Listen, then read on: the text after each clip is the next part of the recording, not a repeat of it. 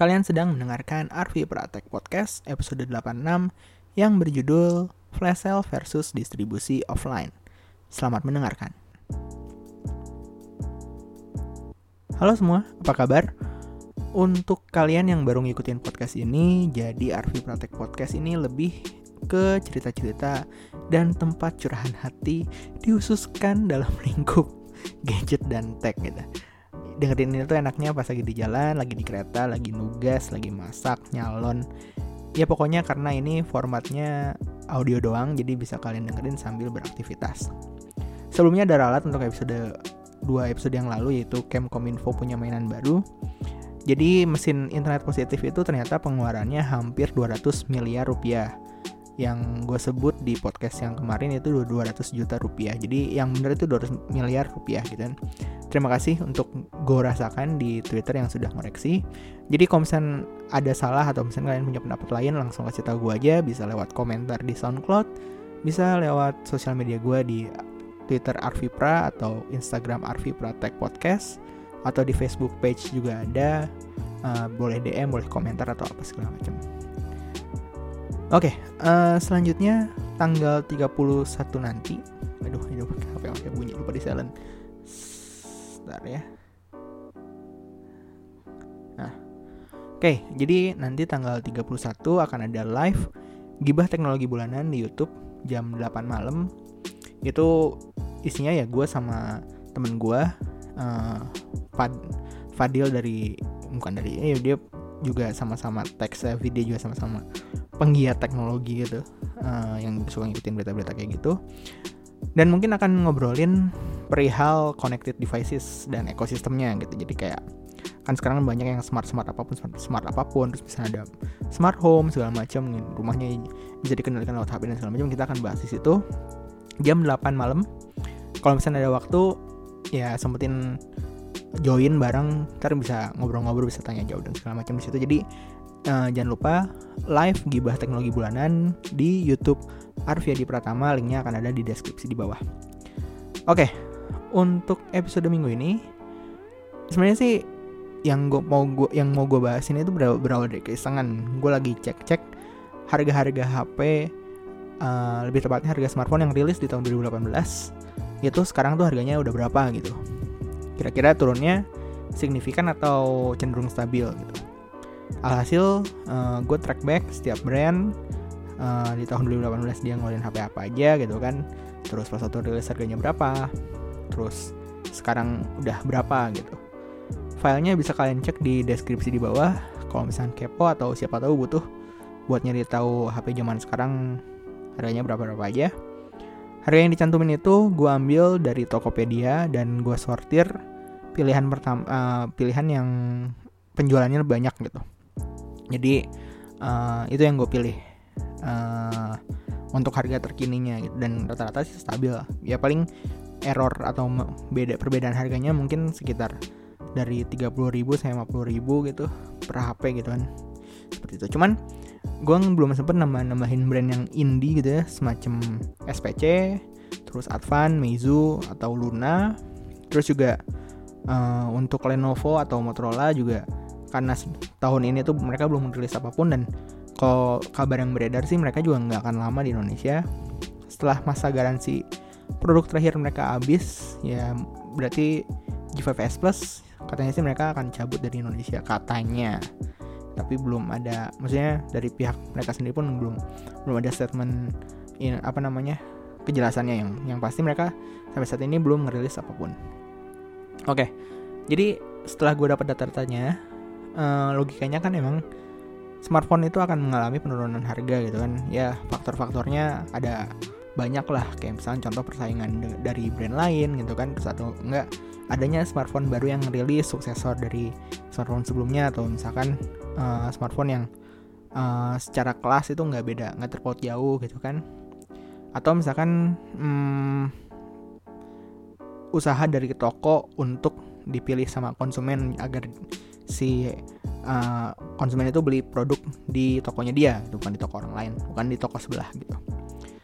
Dan penurunannya sendiri ini biasanya uh, nggak apa ya nggak murni juga harga yang diturunin. Biasanya uh, harganya tetap sama tapi misalnya dijual paketan dengan bonus misalkan uh, bonus tempered glass, bonus case, bonus ini bonus itu segala macam biar harganya bisa bersaing uh, dibandingkan toko sebelah gitu.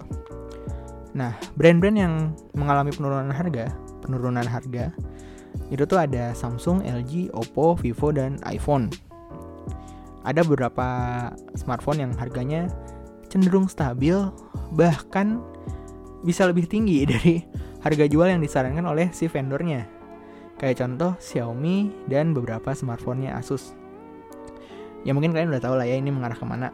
Jadi uh, dari situ mungkin kita bisa ngeliat tuh perbedaan antara smartphone yang dijual offline dan smartphone yang uh, dijual secara flash sale gitu atau di online marketplace tapi rata-rata sih yang uh, harganya malah justru naik tuh yang flash sale oke okay, kenapa bisa kayak gitu jadi sebelumnya tuh gue sempet uh, eh, gue pernah dijelasin terkait fenomena flash sale gitu pas waktu lagi heboh-hebohnya banget lah. Kalau nggak salah pas udah zaman Redmi 5A rilis.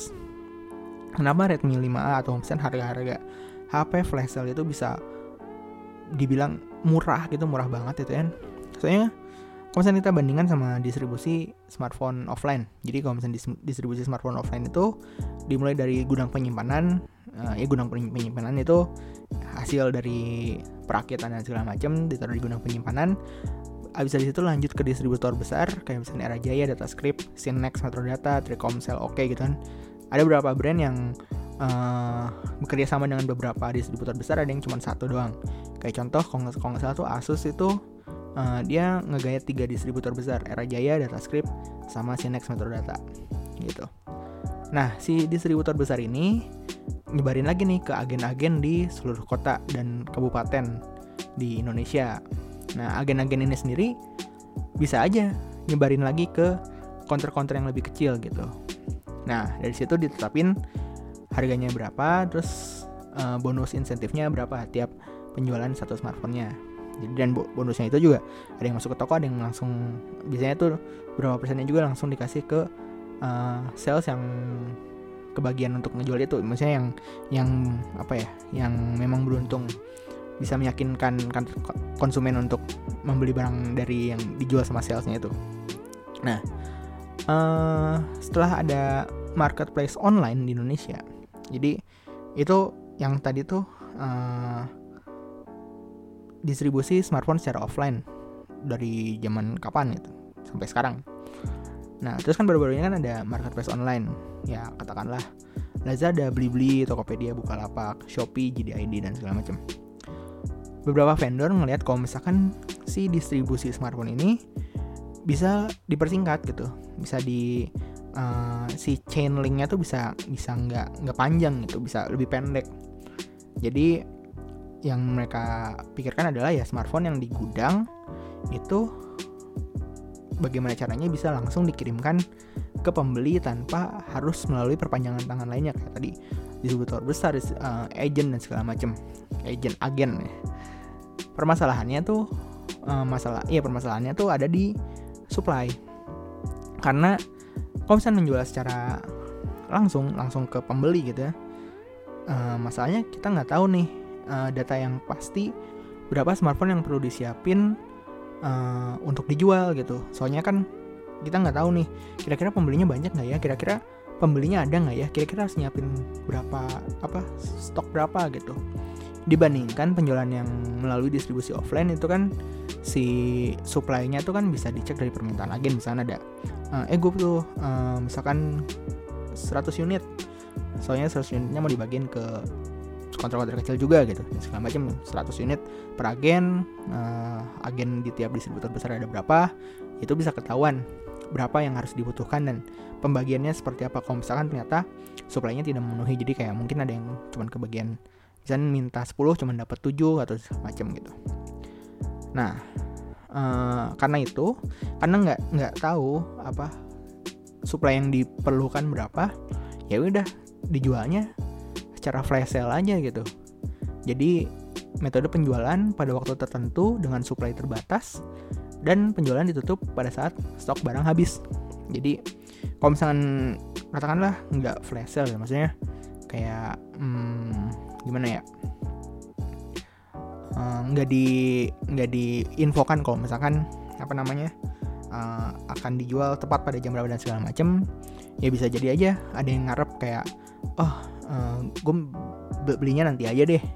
Nggak usah rebutan itu dan segala macem. Tapi masalahnya kan uh, karena stoknya terbatas jadi nggak bisa sembarang nggak bisa nggak bisa nggak bisa sembarang orang untuk yang beli gitu.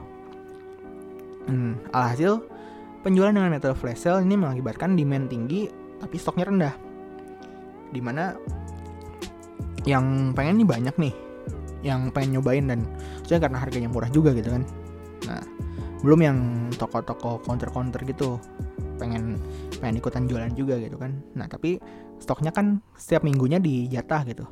Nggak bisa sembarang apa namanya keluar apa nggak bisa sembarang wah ini langsung beberin habisin semua stok dan segala macam gitu.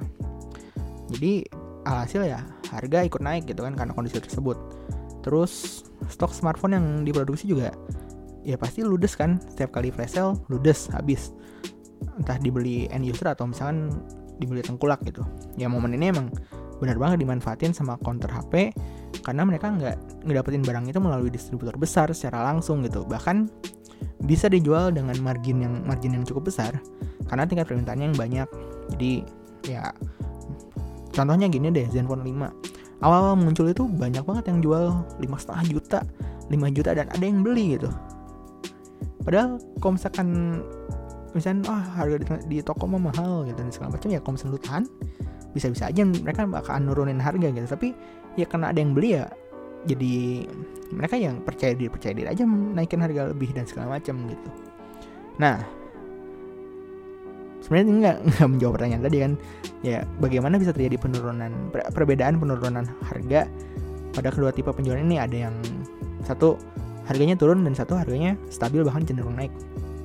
Ya ingat aja kalau misalkan stok smartphone yang dijual offline itu kalau nggak berhasil dijual itu akan menumpuk di counter dan ya mungkin salah satu apa namanya metode yang uh, efisien untuk melepas si barang tersebut ya minimal untuk dapat modal untuk beli HP lain lah ya atau misalkan mesen mesen unit lain ke agen ya dijual dengan harga yang lebih murah dibandingkan uh, apa namanya harga yang disarankan oleh vendor gitu gitu. Makanya mungkin kalau misalkan kalian lihat datanya sekarang ya misalkan kayak di Samsung, LG, Oppo, Vivo, iPhone gitu ya banyak uh, harga-harga yang uh, di bawah MSRP kalau misalkan kalian mau cek harga apa resminya pada saat itu ya kalian belinya di uh, official store-nya kayak Samsung di Samsung Experience Store kalau nggak salah namanya. Terus Oppo juga di ada di tokonya dan segala macamnya kayak gitu. Nah jadi ya wajar aja gitu kan kalau misalkan si HP-HP yang dijual secara offline mengalami penurunan. Sedangkan smartphone yang goib gitu yang dijual secara flash sale ini bisa dibilang stok yang disiapkan untuk satu minggu langsung habis. Ya mungkin dibeli tengkulak atau misalnya hmm, apa ya uh, ya ada aja kok yang beli di tengkulak gitu dengan harga yang sangat-sangat tinggi gitu. Gara-gara ini ya nggak ada uh, faktor yang cukup kuat untuk membuat harganya turun di bawah harga normal. Dan bahkan harga MSRP-nya pun bisa dibilang itu udah cukup sinting gitu. Makanya banyak yang dibeli gitu. jadi katakanlah uh, harga yang ditawarkan MSRP HP-HP flash sale itu adalah harga uh, tanpa tanpa harus ini tanpa apa di itu tuh harga yang udah dikurangin biaya distribusi di biaya gaji uh, gaji para orang-orang di distributor besar atau di agen dan segala macam bonus insentif dan segala macam lah. Kayak gitu. Jadi ya ini eh, gara-gara nggak ada pengaruh kuat untuk membuat si HP-nya turun ya harganya akan stabil dan malah cenderung naik. Kayak contoh si Redmi 5A nih uh, awal-awal kan sejuta kurang seribu. Terus orang-orang banyak yang berani jual itu bahkan ada yang berani jual 2 juta. Terus pas satu Redmi 5 masuk nggak ada alasan untuk HP itu dijual 2 juta dong turunnya tapi nggak nggak nggak nggak apa nggak nggak banyak gitu. Kayak 1,6 masih banyak yang beli 1,5 sampai sekarang kalau nggak salah stabil di 1,3 1,4an di mana harga MSRP-nya pun ikut naik juga jadi 1,199 kalau nggak salah. Ya cuman uh, harga yang dijual di counter bahkan lebih mahal gitu dibandingkan harga MSRP-nya seperti itu. Uh, eh MSRP itu maksudnya harga yang disarankan oleh vendor ya apa gitu uh, RP-nya tuh retail price. Sorry sorry. Uh, jadi kayak gitu. Terus uh, tapi kan ada beberapa yang uh, punya toko resmi gitu ya. Kayak Samsung ada Samsung Experience Store Xiaomi punya authorized Mi Store gitu kan. Dan kalau misalnya beli di situ sih harganya harga harga yang memang disarankan gitu. Harga normal. Kayak misalnya contoh S9 yang di Samsung Experience Store itu ya satu satu 11 juta 12 juta kurang seribu lah kalau nggak salah. Dan kalau misalkan di authorized Mi Store Redmi 5A ya 1199 itu pun harus ngantri dan apa pakai KTP dan segala macam dan unboxing kalau nggak salah biar nggak dijual ulang sama tengkulak gitu. Jadi uh, penurunan harga yang gue cek di data itu dari toko pihak ketiga atau counter-counter HP beda halnya di toko resmi kalau misalnya di toko resmi penurunan harga itu baru terjadi kalau misalkan memang dari vendor sepakat untuk menurunkan harga beberapa tipe smartphone-nya uh, biasanya tuh dalam rangka promo ngabisin stok atau memang suksesornya akan rilis dalam waktu dekat gitu. Oleh karena itu, adanya flash sale ini menurut gue justru bagus untuk konsumen. Ya harga yang ditawarkan lebih murah dan meningkatkan persaingan terutama untuk brand offline. Jadi uh, harga resmi si HP flash sale ini lebih murah dan si brand-brand offline ini pun terpicu untuk menurunkan harganya atau di minimal di toko counter-counter diturunin harganya agar bisa dibeli sama orang gitu agar bisa jadi pilihan sama orang lain gitu. Ya seperti di episode surat terbuka untuk tengkulak yang perlu dibenahi justru dari sistem marketplace online dan uh, apa ya kejujuran vendor terkait stok yang disediakan itu ada berapa? Karena banyak banget rumor-rumor yang bilang kayak ah cuma ada sekian unit doang dan segala macam gitu. Oke itu aja untuk podcast minggu ini. Uh, sekali lagi gue kasih tahu nanti Jumat tanggal 31 Agustus pukul 8 malam akan ada gibah teknologi bulanan di youtube.com slash Pratama. Diingatkan lagi Jumat tanggal 31 Agustus akan ada gibah teknologi bulanan di youtube.com slash Pratama linknya ada di deskripsi di bawah acaranya live jadi kalian bisa ikutan nanya atau kirim salam gitu seperti itu oke? Terima kasih sudah mendengarkan. Kita ketemu lagi minggu depan. Dadah.